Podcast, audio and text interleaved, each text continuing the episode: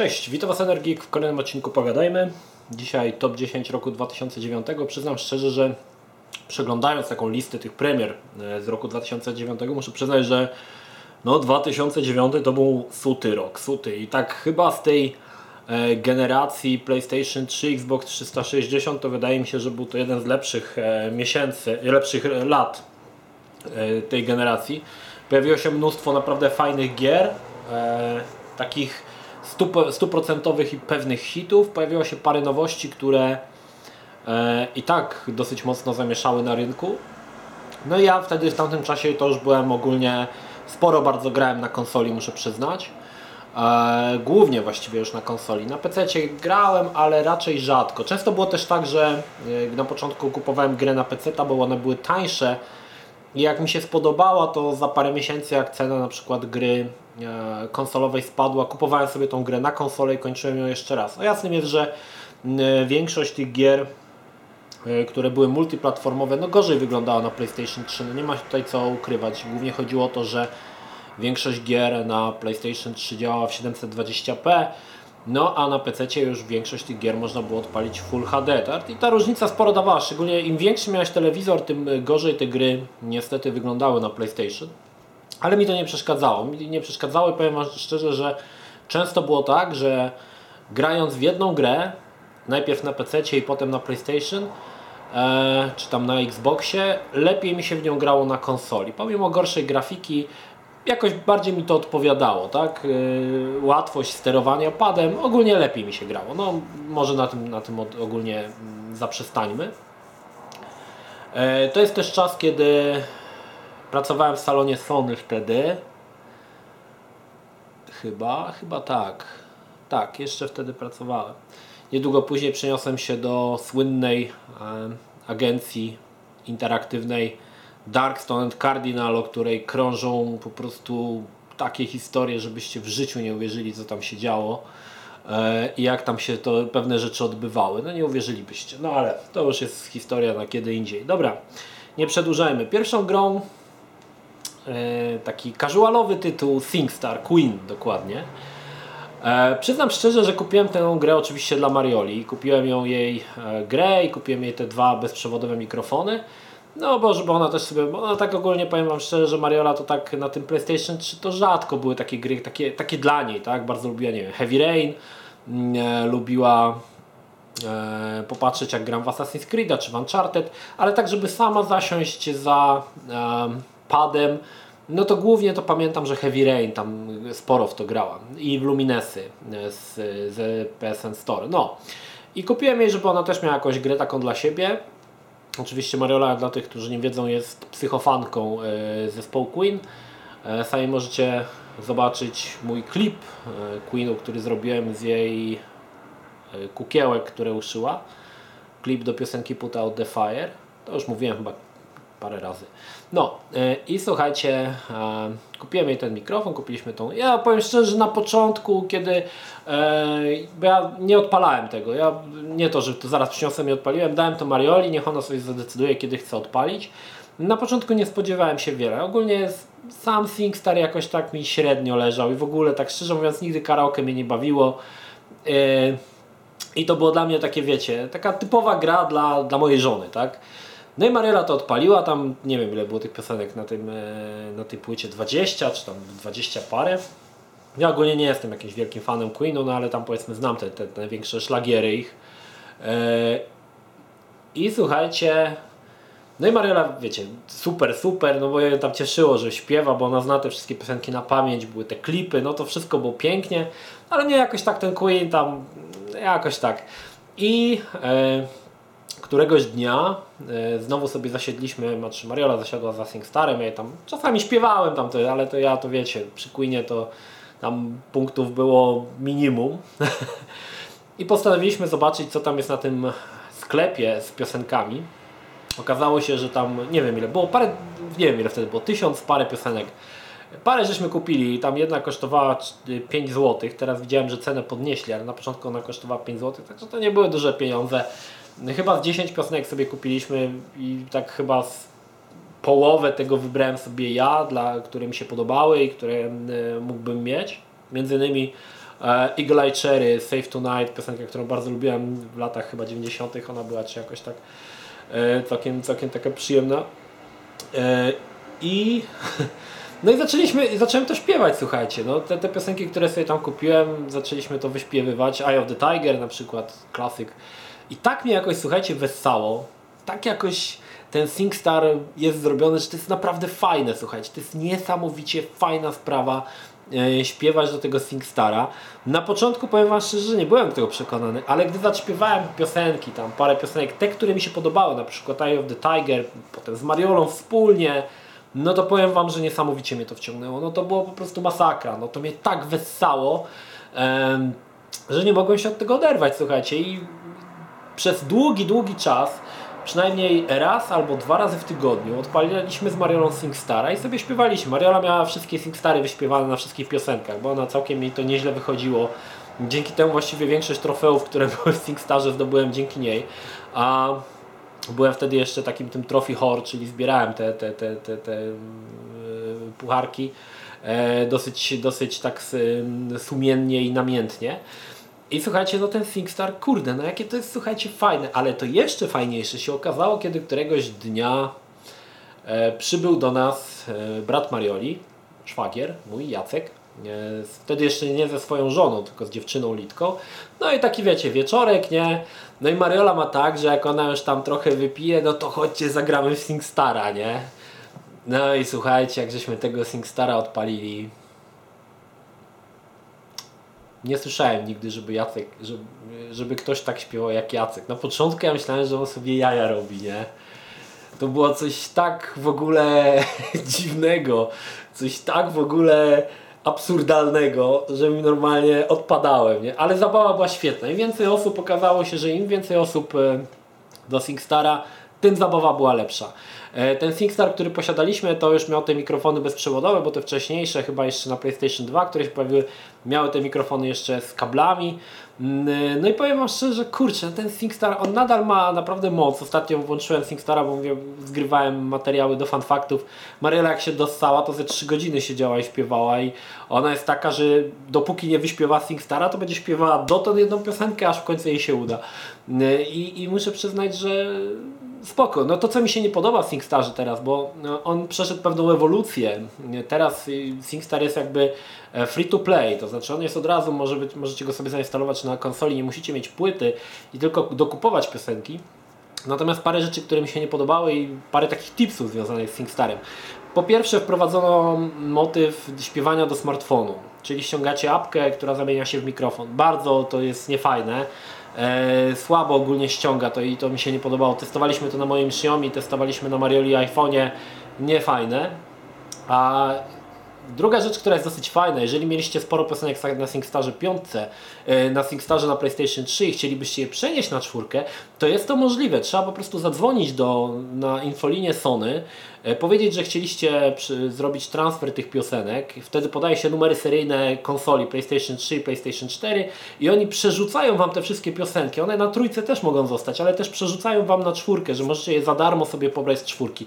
Fajna sprawa, aczkolwiek niewiele osób wie i spotkałem się z tym, że wiele osób mówi, oj tyle miałem setek piosenek na PlayStation 3 musiałem sprzedać i od nowa je kupować na PlayStation 4, a właśnie można je przenieść, także jak ktoś nie wie to...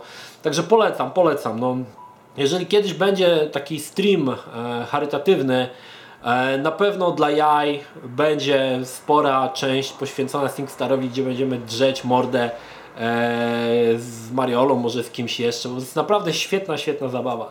E, Druga gra, która też jest y, taka casualowa, jest to Buzz Świat Quizów. Z Buzzem Światem Quizów spotka- zetknąłem się już jak pracowałem w mojej, y, w tej agencji y, interaktywnej, o której Wam mówiłem, Dark Sun Cardinal. Mieliśmy tam ogólnie fantastyczne warunki do pracy. Mieliśmy dwie konsole, mieliśmy telewizor, mieliśmy siłownię, mieliśmy trambambule. Wszystko co chcieliśmy to było na miejscu i tam było tak, że e, z bazem to było coś takiego, że tam była PlayStation, e, były pady, ale było tam mało gier, bo tam chyba Tekken jakiś, tak, jakieś rzeczy, nie pamiętam, już nie jest, to, to nie jest istotne. W każdym razie w pracy jakoś tak konsola nie cieszyła się zbytnią popularnością, głównie graliśmy w te piłkarzyki, wiecie, w te trambambule, nie? E, W to to było non-stop oblegane, w to non-stop ktoś grał. E, I któregoś dnia jeden z kolegów z pracy, Łukasz, o ile dobrze pamiętam, przyniósł właśnie baza.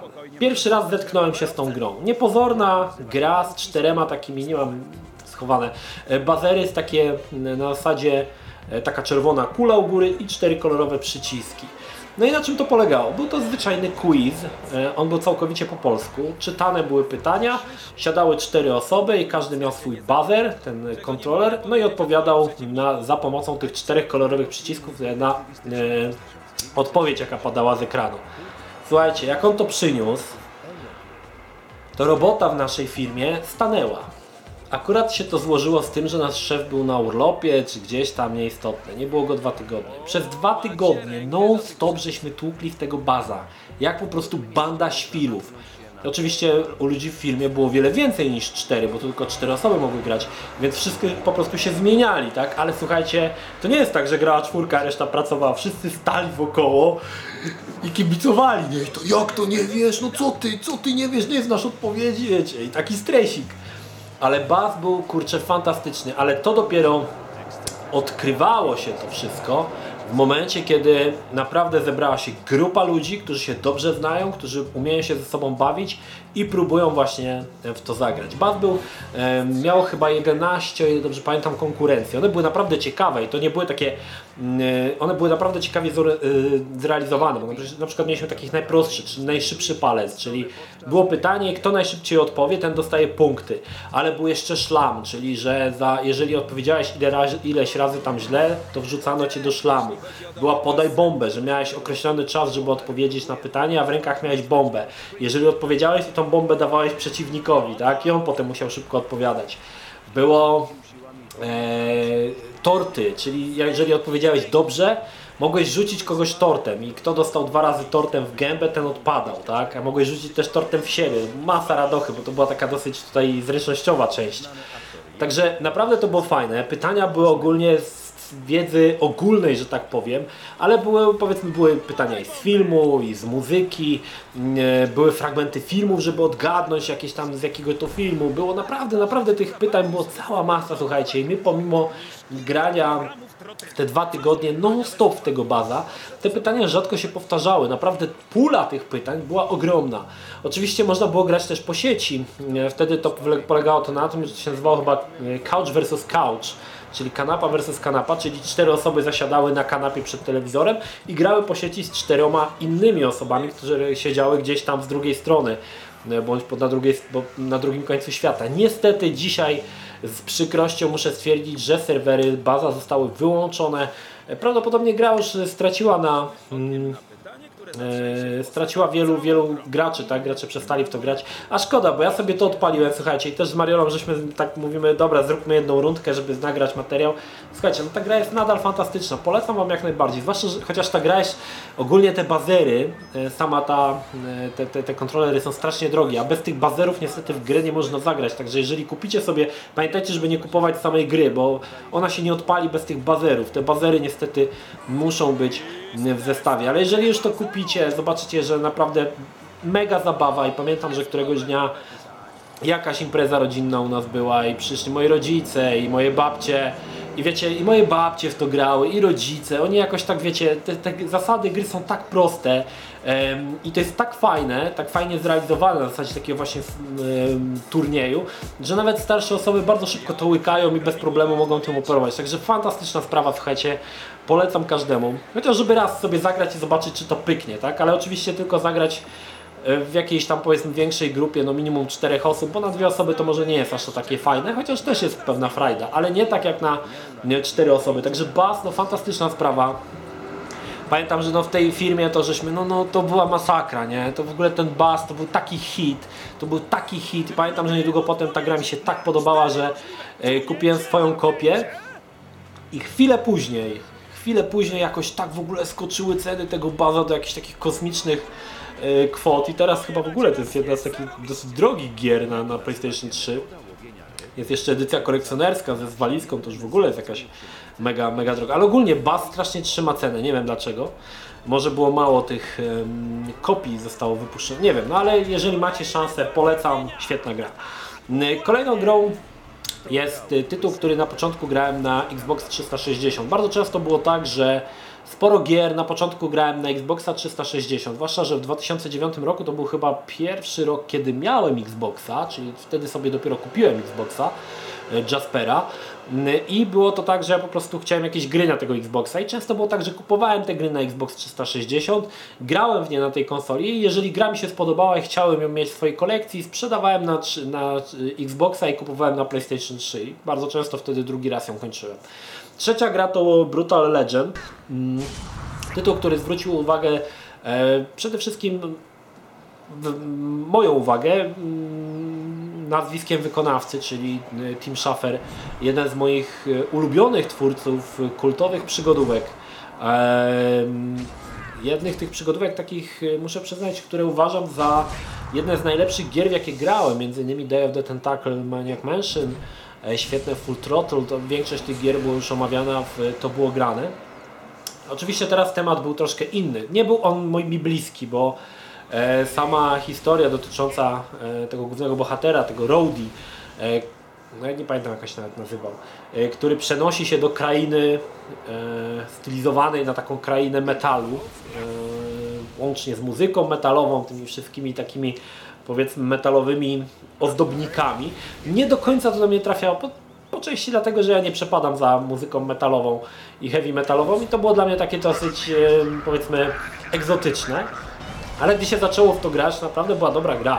I e, ta otoczka po jakimś czasie naprawdę zaczynało się to doceniać, bo to było na zasadzie takiego sandboxa, że wsiadałeś w samochód, mogłeś jechać gdzie tam chciałeś, tak?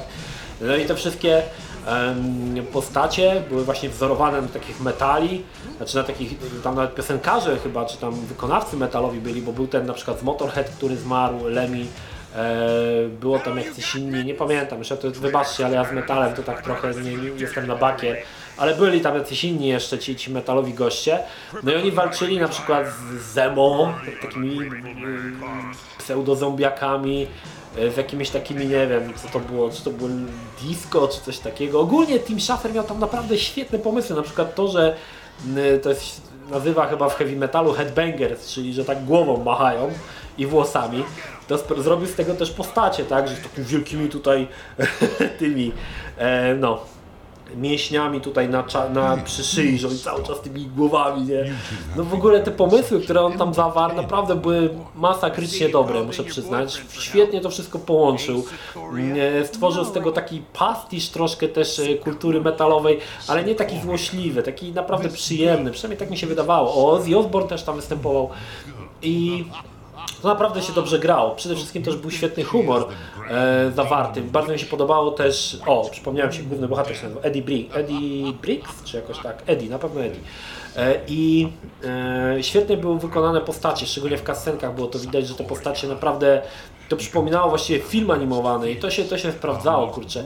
Niestety gra nie była, nie mogę powiedzieć, że gra była równa, o ile były te, e, sporo było takich, e, nazwijmy to misji, stricte przygodowych, były jakieś tam wyścigi, to było całkiem spoko. Ale najgorzej z całej gry wypadały takie misje, które były takim, e, mógłbym powiedzieć, korowym elementem, który popychał akcję do przodu, czyli takie misje pseudo e, real-time strategy. E, takie bardzo uproszczone, bardziej to przypominało e, misję z e, Giants Obywatel Kabuto. Muszę przyznać, że to nie, nie wyszło za dobrze i to strasznie męczyło, tam budowanie tych jednostek i walki no nie było to za dobre, nie było to za dobre, muszę przyznać. Ale jeżeli się odrzuciło to te, te misje, które no, trzeba było i tak przejść, żeby popchnąć akcję do przodu, to świetny świat, mnóstwo znajdziek. Jeszcze jedna rzecz jest w Brutal Legend zła. Oj, tutaj to Tim Schafer po prostu jest mistrzem zła. Otóż e, nie ma czegoś takiego w Brutal Legend jak radar znajdziek. W większości gier aktualnych macie coś takiego jak no, że wiecie, że jak coś trzeba znaleźć, to gdzieś tam na tej mapie to się pojawia. W Brutal Legend tego nie ma. Musiałeś sam szukać, albo sobie jakąś, nie wiem, mapę wydrukować czy coś. Pamiętam, że podobnie było w Assassin's Creed 1. Ja zebrałem te wszystkie flagi, ale w Brutal Legend mapy nie znalazłem, a opisy tak naprawdę, gdzie dana znajdźka się znajduje, nie za wiele Wam pomoże. I muszę przyznać, że to było bardzo złe, to było bardzo złe i tutaj, tutaj dali ciała. No, powinno być jakiś zakup, na przykład jakieś mapy, która pokaże Ci, gdzie są jakieś w danej krainie te znajdźki, bo to, to była masakra. Pamiętam, że grałem mnóstwo czasów, to mnóstwo, a zebrałem jakieś 70%, gdzieś te 30% nie wiem gdzie one, gdzieś, były poukrywane tak, że nie mogłem ich znaleźć, chociaż jeździłem wszerz i wzdłuż po tej całej mapie. No ale Brutal Legend fajna gra, z fajnym pomysłem przede wszystkim. To jedna z tych gier, które miały na siebie pomysł, miały całkiem fajne wykonanie, całkiem y, dobrą muzykę dla fanów heavy metalu, a mimo wszystko tytuł podniósł marketingową klapę i nie sprzedał się w za- zadowalającej ilości egzemplarzy. Kolejny tytuł to Bayonetta. Bayonetta mm, jest y, przedstawicielem gatunku gier, który lubię, ale lubię, ale nie lubię. tak to powiem. Już wyjaśniam o co chodzi. Nie przepadam za grami w stylu na przykład Devil May Cry. Znaczy no nie mogę powiedzieć, że ich nie lubię. Bardziej lubię takie siekaniny jak na przykład God of War, Castlevania Lords of Shadow. Natomiast y, na drugim biegunie są takie bijatyki właśnie bardzo szybkie, wymagające niesamowitej sprawności palców. Tu zaliczyłbym właśnie Devil May Cry, zaliczyłbym Bayonetę, e, Vanquished chociażby. Te gry od, od właśnie Platinum Games, one takie były właśnie dosyć szybkie. I te gry mi się nie do końca podobały, nie, nie do końca umiałem nimi operować.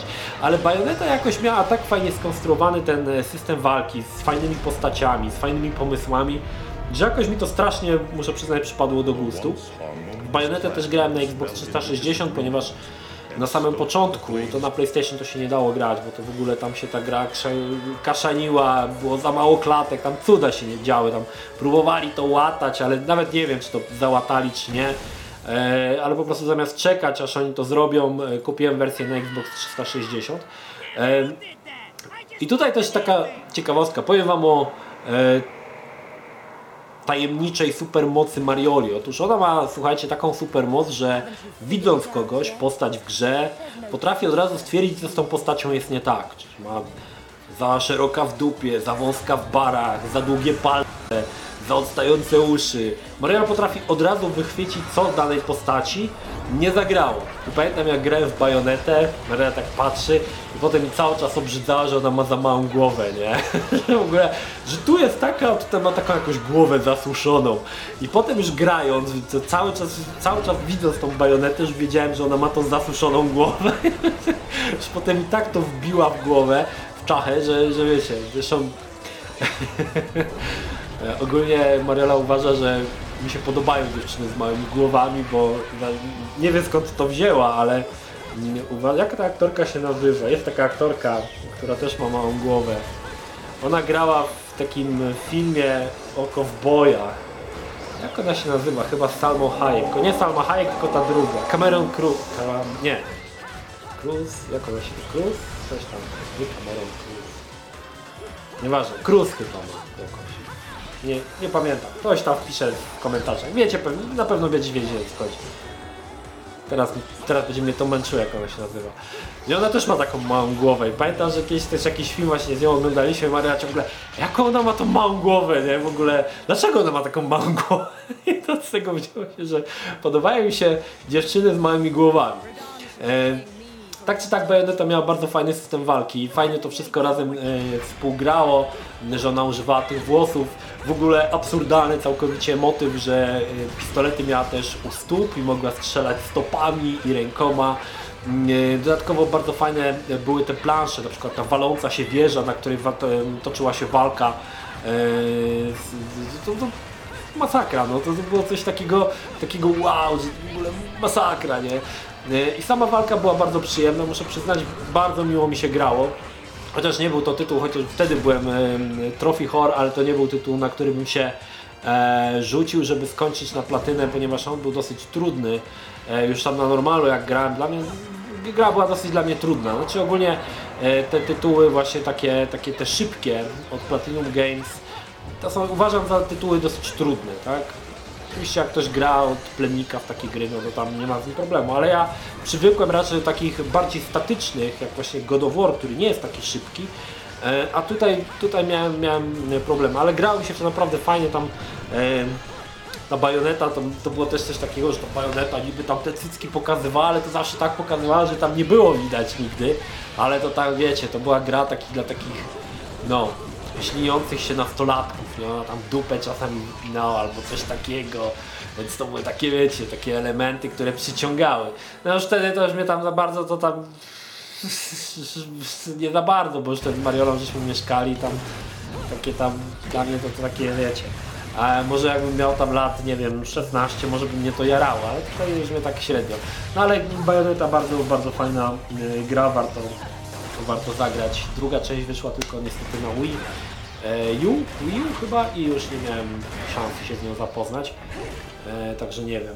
E, kolejna gra, polski tytuł, którego nie mogło zabraknąć. Zauważy, zauważycie, że bardzo dużo tych gier, które pojawiły się w 2009 roku było w fanfaktach najlepszych gier na PlayStation 3. Dlatego mówiłem, że ten rok był naprawdę suty. To oczywiście Call of Juarez Bound in Blood. Po pierwszym Call of Juarez ja to byłem tak najarany w ogóle, żeby ta gra się tam... Penelope Cruz to ona się nazywała, a nie Cameron. Penelope Cruz, ta z małą głową. Teraz mi się przypomniało, bo tutaj w Call of Juarez będzie kolejna z małą głową. E Bound in Blood, y, na Bound in Blood bardzo czekałem. Po pierwszym Call of Juarez, które bardzo mi się podobało i bardzo mi przypadło do gustu. Byłem ciekawy, co oczywiście autorzy zrobią. Po części trochę, powiem Wam szczerze, zanim jeszcze się dowiedziałem, gdzie akcja będzie się toczyła, jakoś nie wyobrażałem sobie części drugiej. I chyba autorzy też nie do końca to czuli, ponieważ druga część była prequelem. I to był ten prequel, kiedy poznawaliśmy braci, tak, y, Tomasa i E, nie pamiętam ten drugi jak się nazywał. Nieistotne. I tego trzeciego księdza, e, zanim narodził się Billy z części, z części pierwszej. I muszę przyznać, że Call of Juarez, no powiem wam szczerze, no to już była światowa liga jak dla mnie e, gry. Troszkę się obawiałem odpalając pierwszy raz, czy będzie mogła ona stanąć w szranki z takimi tuzami jak na przykład Resistance 2 czy inne FPS-y ekskluzywne na PlayStation 3. Niepotrzebnie, bo nagle się okazało, że Call of Juarez naprawdę ma świetną grafikę. Polacy niesamowicie czuli klimat dzikiego zachodu. To było dla mnie absurdalne, ale z drugiej strony najlepszą mafię zrobili Czesi. I słuchajcie, no naprawdę to Call of Juarez trafiał dokładnie w punkt. Możliwość wybrania dwóch braci, którym chcemy grać. Co prawda nie były to już takie tak bardzo zróżnicowane mm, postacie jak w części pierwszej, gdzie Billy był takim typowym e, gościem, który poruszał się po cichu, natomiast ten wielebny, no taki typowy rewolwerowiec. Tutaj ta różnica była mniejsza, chociaż ona też, e, między postaciami one też występowały, ale to nie było aż tak widoczne jak w części pierwszej. Ale do tego dochodziło, słuchajcie, świetne lokacje, świetne pomysły, bo tam były ucieczka na tym takim wozie przez miasto, była taka ta mm, strzelaniny w takich jakichś gdzieś tam w Meksyku, w takich wiecie, nie wiem, Pueblo się nazywa czy coś były te pojedynki, no tam wszystko, słuchajcie, było co było, co mogło się znaleźć w westernie i było to naprawdę świetnie zrealizowane. No i pojawiała się oczywiście matka Bilego, yy, która chyba była wzorowana na Penelope Cruz, bo wyglądała bardzo podobnie. No i oczywiście też miała małą głowę, więc tutaj coś, coś w tym jest niestety. Niemniej Bounty Blood y, bardzo, bardzo dobrze wspominam i niedługo będziemy grać to na streamie. Właściwie kiedy nagrywam ten film, to już jest po pierwszym streamie z Bounty Blood. Natomiast wybraliście tą grę też z sześciu innych, aby ją ogrywać. Widocznie też uważacie, że ta gra jest na tyle dobra, że warto ją sobie przypomnieć. Ja też uważam, że Call of Juarez jest świetną grą. Ogólnie sama seria Call of Juarez jest bardzo dobra. Ok, powinęła im się noga na e, kartel, ale wróciło wszystko do normy w Gunslinger. Nie wiem, czy będzie jeszcze inna część Call of Juarez. Chciałbym, żeby ona wróciła właśnie do tych e, historii z dwóch części pierwszych. Natomiast y, troszkę z Gunslingerem oni oddalili się od tego, y, łącznie też z tym bardzo dobrym zresztą trybem graficznym, ale wolałbym, żeby to wróciło właśnie na te tory, które rozpoczął właśnie Call of Juarez Bounty Blood. Warto jeszcze wspomnieć, że tutaj pojawiła się bardzo fajna edycja kolekcjonerska, której niestety nie mam. Bardzo całe, odkąd, od 2009 roku bardzo ubolewam nad tym, że nie mam tej edycji kolekcjonerskiej. Ona była w takiej skrzyni, tam w środku był kapelusz, chyba ta e, flaszka taka. Fajnie to wszystko wyglądało, fajnie. Nie sposób dzisiaj to kupić, jeżeli ogląda mnie ktoś z Techlandu i macie na zbyciu chętnie przytulę edycję kolekcjonerską Bounty Blood, bardzo chciałem ją mieć, e, a niestety no jakoś, jakoś nie pykło. W tamtym czasie prawdopodobnie nie miałem pieniędzy, no, po prostu kupowałem najtańsze, te, te, rzadko kupowałem wtedy edycje kolekcjonerskie, bo one były dosyć drogie. No i cóż, yy, świetny tytuł, no polecam, polecam. Ogólnie z gier o kowbojach to poza Red Dead Redemption to yy, i Red Dead Revolver to chyba najlepsza gra yy, o Dzikim Zachodzie.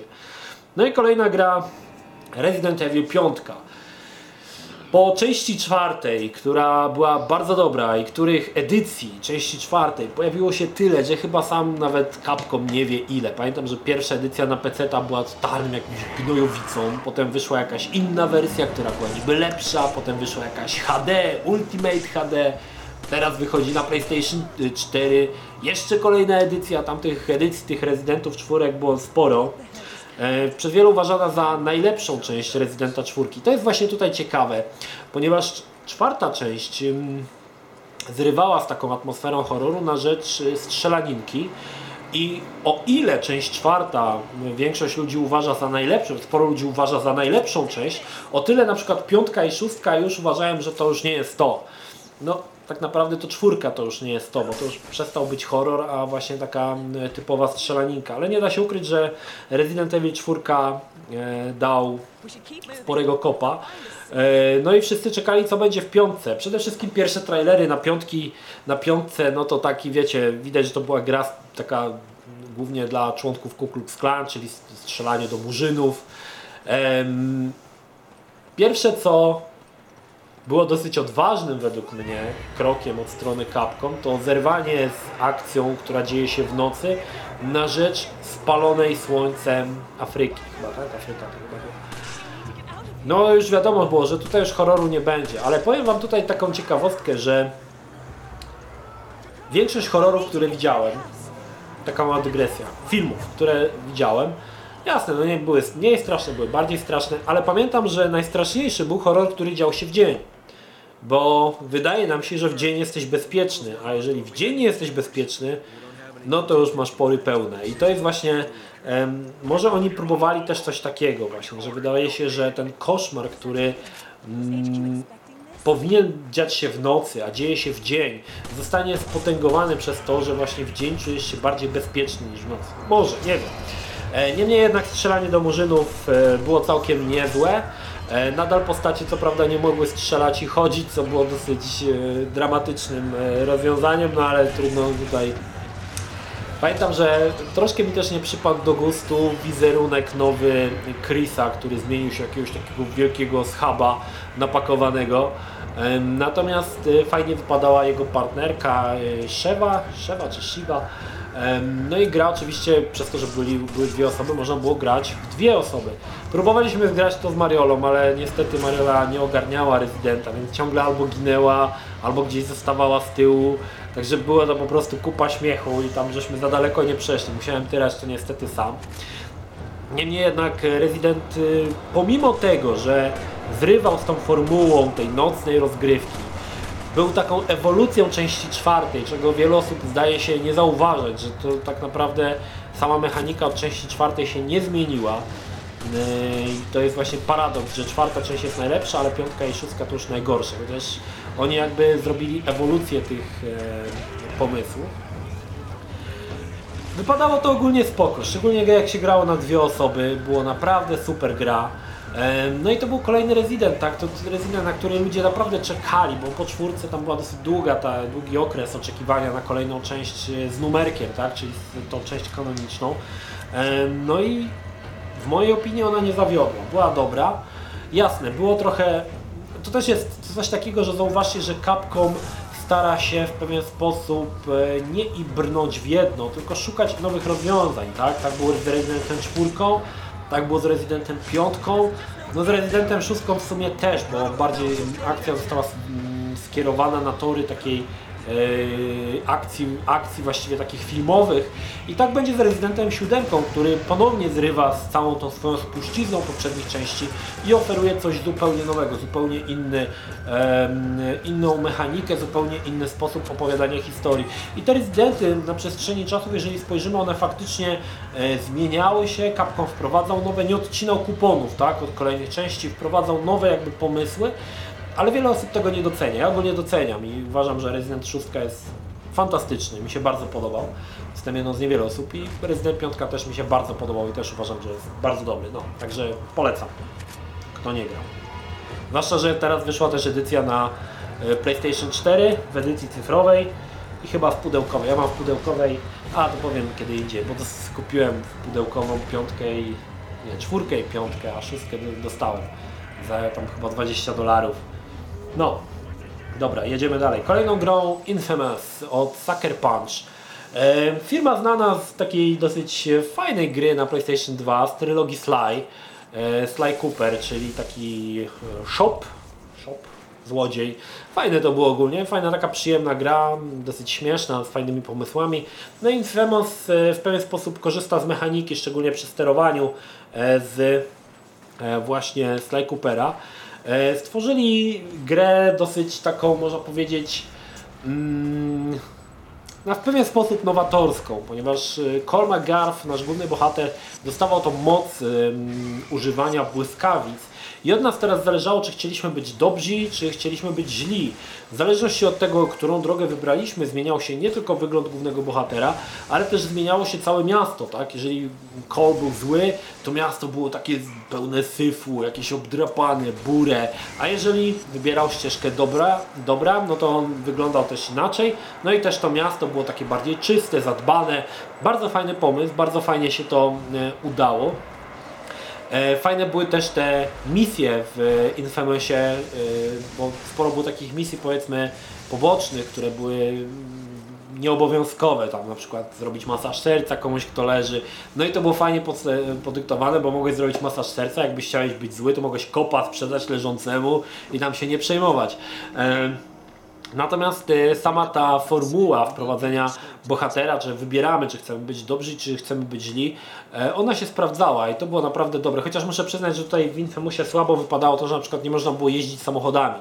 Oczywiście Cole mógł się poruszać o wiele szybciej niż samochodem, używając sieci trakcyjnej bądź e, ślizgać się po torach, ale i tak e, powiedzmy, no tych samochodów było tyle, że aż, aż się prosiło, żeby do tego samochodu wejść, a niestety nie można było wejść. Podobał mi się tutaj natomiast też e, parkour, który był szybszy niż em, w serii Assassin's Creed. E, Nie wiem, czy był płynniejszy, ale szybciej się można było dostać na wysokie kondygnacje. Natomiast w Assassin's Creed ten parkour był taki bardziej dostojny, bardziej wolny, ale do Assassina zaraz sobie zresztą e, wrócimy. Infamous to też ciekawa e, historia, ponieważ gra nie miała jakiegoś super ekstra marketingu. Ona tak po prostu wyskoczyła z kapelusza, przynajmniej ja to tak e, odbierałem. I okazała się bardzo dobrym tytułem, właściwie świetnym tytułem, który doczekał się dwóch kolejnych części, chyba dwóch albo trzech dodatków, dwóch chyba. Natomiast e, z Infamousem była taka sytuacja, że gdy wyszła, oczywiście chciałem kupić wersję na początku e, w Polsce, ale okazało się, że wersja polska ma tylko polski dubbing, nie można zmienić na angielski. Ja niestety, ja jestem chory jak mam grać z polskim dubbingiem, nienawidzę polskiego dubbingu w żadnej grze i w God of War. Jedyny polski dubbing mogę um, przełknąć, jeżeli gra jest polska, czyli na przykład w Wiedźminie. A jeżeli gra jest, y, nie jest polska, zawsze gram y, na oryginalnej ścieżce dźwiękowej, nigdy nie gram z polskim dubbingiem. Nawet nie wiem jak brzmi e, ten Linda w wersji y, Kratosa, czy tam ta, ten Lachon y, w Tomb Raiderze, tym nowym, Anna Gorczyca. Nie interesuje mnie to, nie gram po polsku i koniec, kropka. Napisy ok, ale e, polski dubbing, jeżeli jest tylko możliwość, zawsze go wyłączę, no chyba tak jak mówię, że gra jest polska. Więc y, Infamous był grą, która nie posiadała właśnie tego zamiennika. Do dziś nie wiem, czy to prawda, bo wiele gier e, na PlayStation 3 posiadała tę oryginalną ścieżkę dźwiękową, jednak żeby w nią zagrać, trzeba było zmienić język e, menu w konsoli. Wtedy odpalał się, bo gra się odpalała w takim języku, jak był język konsoli. I pamiętam, że z parę takich gier było i wiele osób myślało, że nie ma angielskiej ścieżki dźwiękowej, ale w momencie, kiedy zmieniło się język na konsoli, to wchodziła ta, e, e, ten język angielski. Natomiast ja nie do końca wiedziałem, czy w Infamousie jest ten język angielski. Nie mogłem nigdzie znaleźć tej informacji. Tylko słyszałem, że jest ten polski i on nie jest za dobry, więc sobie z, ze Stanów musiałem ściągnąć własną kopię Infamousa z angielskim, z angielskim dubbingiem, bez polskiego, bez polskich napisów, z angielskimi napisami i wtedy byłem szczęśliwy. No. Parę razy jeszcze tak robiłem w historii, że jeżeli e, były, docierały do mnie informacje, że gra nie ma zamiennika, że tylko musisz grać po polsku, no to najczęściej po prostu ściągałem z zagranicy, żeby nie mieć tego polskiego dubbingu. Taki ze mnie patriota. A Infamous, świetna gra. No, kolejny tytuł to Assassin's Creed 2, po pierwszej części, która bardzo mi się podobała. Wiele osób uważa, że pierwsza część była taka se. No nie mogę się nie zgodzić. No były niestety nudne misje, które e, polegały właściwie cały czas na tym samym i po jakimś czasie tak naprawdę w Assassin's Creed 1 nie było co robić. Można było popodziwiać te wszystkie widoczki, no ale ile można podziwiać? Trochę to robiło się po prostu w pewnym momencie nudne. Chociaż ja i tak uważam, że pierwsza część Assassin's Creed'a po Black Flagu jest chyba moją ulubioną. Natomiast zapowiedź Assassin's Creed'a dwójki wprowadzała wiele nowego. Przede wszystkim świetny e, motyw z przeniesieniem do Włoch, do czasów Leonarda da Vinci, rodu chyba Borgiów, tak, o ile dobrze pamiętam. Nie, niesamowita miejscówka. Jaka to była, słuchajcie, różnica, jaki kontrast. Z jednej strony mieliśmy tą Ziemię Świętą, która była taka raczej szarobura, a tutaj mieliśmy fajną, słoneczną Florencję z mm, niesamowicie bogatymi budowlami. No był, była różnica, był kontrast i tutaj była faktycznie pomiędzy jedynką a dwójką Assassin's Creed'a była spora przepaść. Niestety ta przepaść e, później będzie coraz węższa, coraz węższa, teraz to już nie ma przepaści, wszystko jest zrobione na jedno kopyto. Natomiast różnica była niesamowita, szczególnie podobało mi się e, na przykład strój e, Ezio, bo wprowadzał też nowe, nowego oczywiście bohatera, niesamowicie bogato zdobiony, no to naprawdę było widać, że to jest świetnie, świetnie tak pasowało do tych czasów, tak? Oczywiście oprócz tych e, miejscówek e, Yubi zawsze podchodzi do tematu Assassin's Creed'a, nieważne czy lubicie Assassin's Creed'a, tutaj trudno się z tym nie zgodzić, bardzo pieczołowicie przygotowuje tła i postacie. I tam wiecie, nawet te postacie poboczne, które chodzą, mają te ubiory, wszystko, właśnie wszystko jest zgodne z duchem em, epoki, w której to się dzieje. I to jest wielki dla mnie, wielki ode mnie szacun. Co, co bym nie myślał o serii Assassin's Creed pod kątem e, powiedzmy historycznym, ubiorów, tych wszystkich e, elementów, które widzimy zawsze, było to na najwyższym poziomie i teraz też nie było inaczej. Cieszyło oczywiście to, że pojawia się Leonardo da Vinci, w dodatku pojawiał się Kopernik, także no, Assassin's Creed wprowadzał, tak jak mówię, sporo nowości, e, między innymi kultowe dwa ostrza, które, które mm, mi bardzo przypadły do gustu i możliwość zabicia dwóch strażników. To było takie, wiecie, taka, taka głupotka, tak? Mała taka pierdółka, ale jednak to się sprawdzało. No i oczywiście sama historia Ecja była też ciekawa. Przede wszystkim Assassin's Creed doczekał się mm, e, sporej dawki humoru, którą udało się wpleść i to na plus.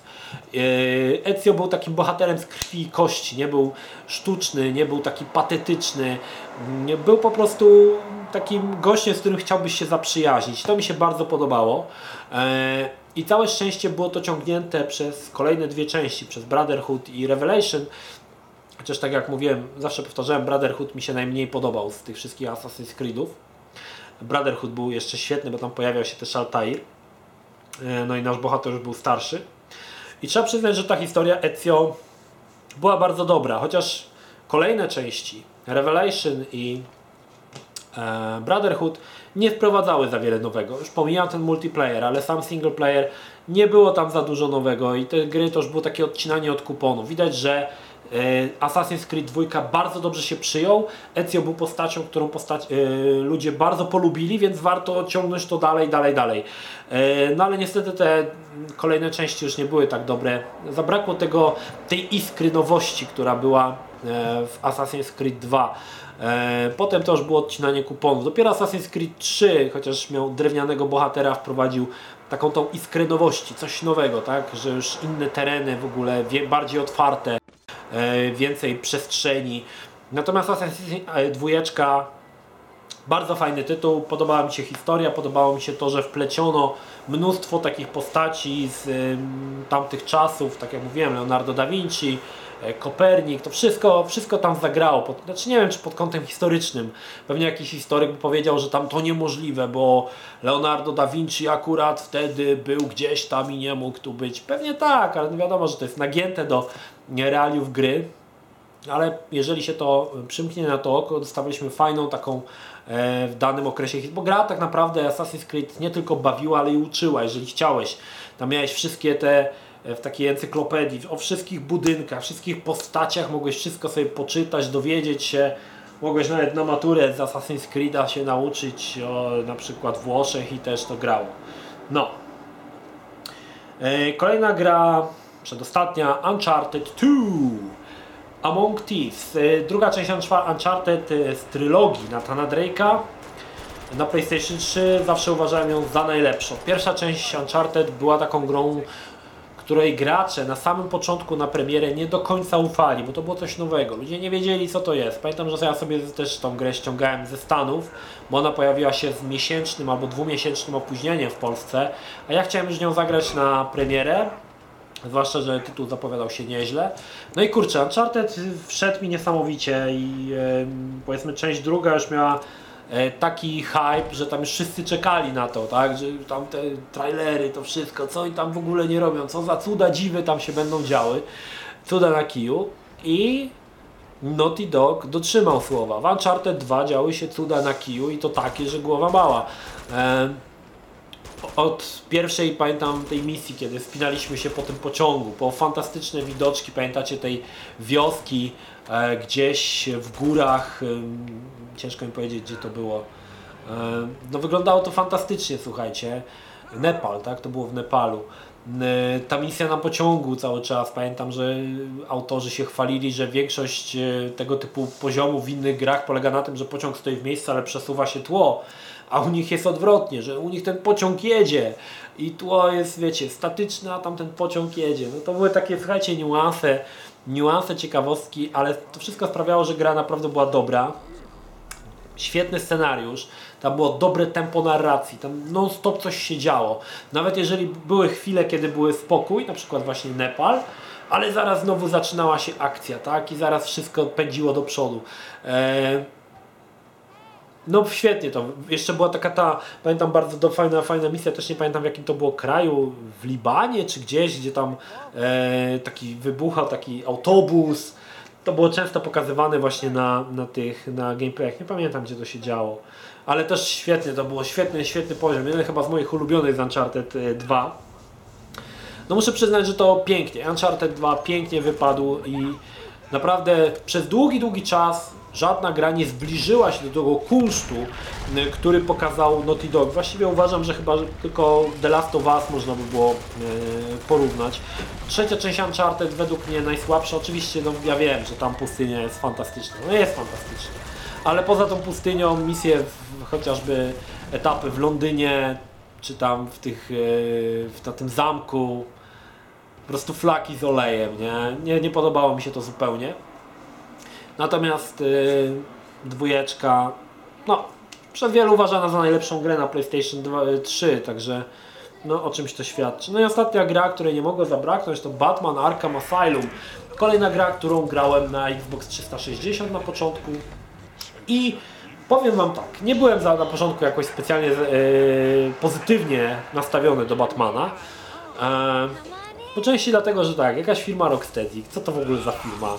E, widziałem pierwsze screeny, jakoś tak wyglądał ten Joker dziwacznie. Te postacie, Killer Croc nie wyglądał jak w komiksie. Nie do końca mi się to podobało, zanim oczywiście zagrałem, ale jak się zagrało,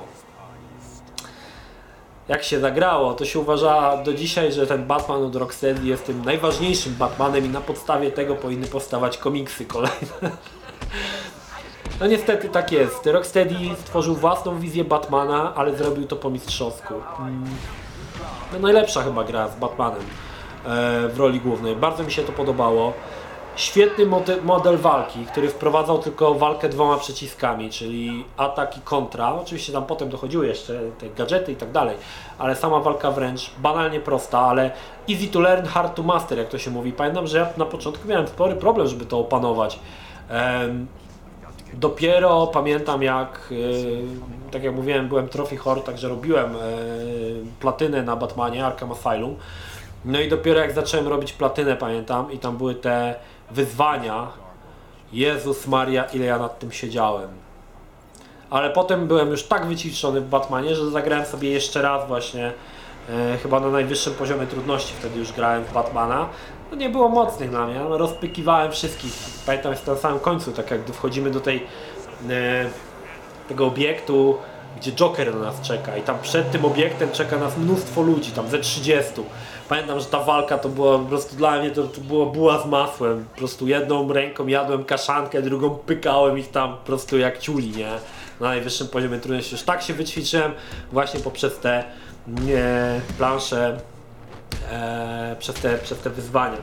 No i Batman to też e, e, fajne pomysły, bo Batman miał te swoje wszystkie gadżety. Fajnie to było to, że z czasem dostawałeś coraz więcej tych gadżetów i mogłeś dostać się na wcześniej niedostępne rejony. Bardzo mi się to podobało. Podobały mi się poukrywane zagadki, które e, rozsiewa, rozsiał na całym e, terenie Riddler i to też wymagało od nas czasami e, pewnej takiej, nie to, że podchodzisz i zbierasz, tylko wymagało od nas pewnej ingerencji, żeby to zebrać. Fantastyczna rzecz. I podobał mi się klimat. Klimat bardzo taki duszny, klaustrofobiczny tego e, szpitala. Niestety później ten klimat e, w Arkham City, Origins i mm, Arkham Knight no już tego, tej, tego klimatu duszności nie było, tylko on był w tej pierwszej części, bo on się działo na takim dosyć niewielkim terenie. Podobało mi się to, że gra i była y, gra akcji, ale były też etapy, gdzie można było grać po cichu, czyli zamieniała się w typową skradankę. Podobał mi się tryb detektywistyczny, kiedy ro, mm, próbowaliśmy rozwiązać jakieś takie proste zagadki, zbierać dowody. Słuchajcie, no Rocksteady wyszedł z Batmanem po prostu zrobił najlepszą grę o Batmanie, jaka kiedykolwiek powstała. Oczywiście potem e, sam pokonał sam siebie, w kolejne gry były coraz lepsze e, w mojej opinii, ale ten pierwszy Batman no to było objawienie, słuchajcie. Dla fanów Batmana to była masakra, no masakra. Ja powiem wam szczerze, że ogrywając do tego materiału e, gameplay z Batmana, tak mi się to spodobało, że ja już czekam na ten remake, kiedy będą. Ja sobie jeszcze raz zagram w Arkham Asylum, bo naprawdę świetna gra. Niemniej jednak Batman był fajną grą. Eee, teraz mamy ten Batmana od Telltale Games, nie grałem w niego jeszcze. Ale jeżeli tak pomyślę o dobrych grach, pamiętam, które dobre gry o Batmanie, które mi się podobały, trzy, to jedna to będzie na Commodore C64, Batman na podstawie pierwszego filmu Tima Burtona.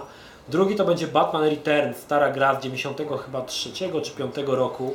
Właśnie w, pewny, w pewien sposób była troszkę tak jak Telltale Games mi się wydaje, bo była ona przygodowo właśnie taka powiązana z akcją. Bardzo fajny tytuł na podstawie Batman Returns. No i Batman Arkham Asylum. Czy też w ogóle to, to, to nie mogę powiedzieć. Batman od Rocksteady, może tak.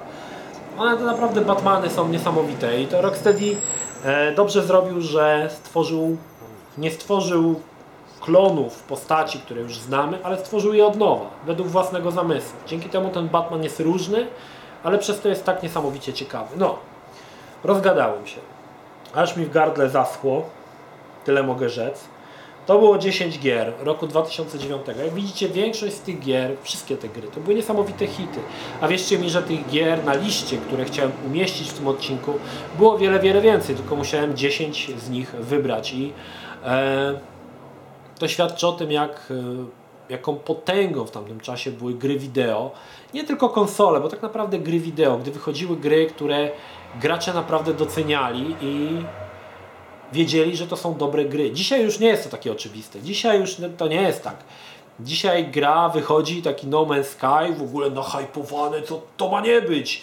I okazuje się gniotem.